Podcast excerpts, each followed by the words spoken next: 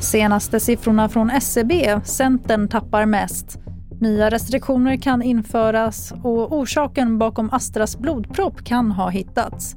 Men TV4-nyheterna börjar med den senaste opinionsundersökningen från SCB som kom idag. Partiet som ökar mest är S som ökar med 0,9 procentenheter och partiet som tappar mest är Centern. Mätningen gjordes under 28 oktober fram till 25 november och den senaste veckans statsministeromröstningar speglas alltså inte i siffrorna. Så här säger vår politiska kommentator Ann Tiberg om det. Ja, absolut. Den här mätningen den pågick fram till den 25.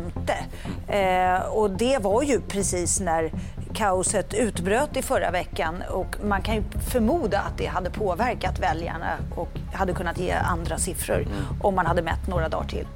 Och hon intervjuades av Johan Macéus här och den längre kommentaren från Ann hittar du på tv4.se. Nya coronaåtgärder kan komma att införas nästa vecka. Det berättade regeringen och Folkhälsomyndigheten tidigare idag. Orsaken är den ökade smittspridningen och oron för den nya virusvarianten. Så här säger Folkhälsomyndighetens generaldirektör Karin Tegmark Wisell om läget. Det finns också en oro kring den nya virusmutationen omikron. Vi följer utvecklingen noga men vi vet inte fullt ut ännu hur den kommer att påverka utvecklingen. Och Folkhälsomyndigheten har eh, med början i förra veckan tagit flera beslut om att skärpa kraven på bland annat testning och åtgärder för utlandsresenärer. Detta för att motverka att varianten får fäste i landet.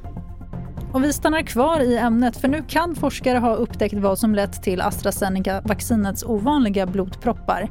Det rapporterar brittiska medier. Enligt forskarna handlar det om ett protein i blodet som ihop med en viktig del av vaccinet leder till en rad olika reaktioner som kan bilda en blodpropp. Och de senaste nyheterna hittar du i TV4 Nyheternas app. I studion Tannas Edelat.